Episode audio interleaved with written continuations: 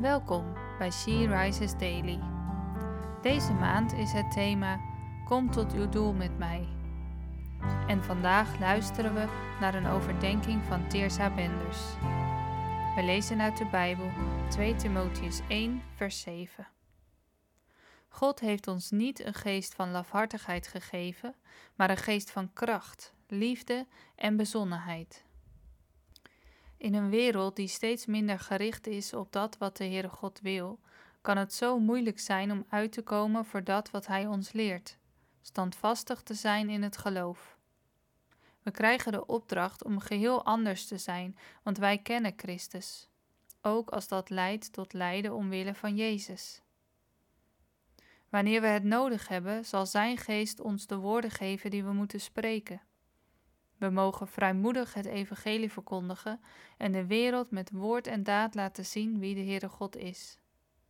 We krijgen de opdracht om Zijn liefde te laten zien, te getuigen van Zijn grootheid en de goede boodschap van het evangelie.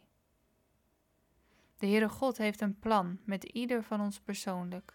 Hij roept ons om Zijn werk te doen en Hij zorgt ervoor dat we door de Heilige Geest in staat zijn om het uit te voeren. Laten we samen bidden. Heilige Geest, dank u voor uw werk in mij. Dank u dat ik sterk, moedig, liefdevol, wijs mag zijn door u. Geef me alstublieft alles wat ik nodig heb om uw boodschap te verkondigen, juist ook als het moeilijk is. Misschien op een hele grootse wijze, misschien wel op een hele eenvoudige manier.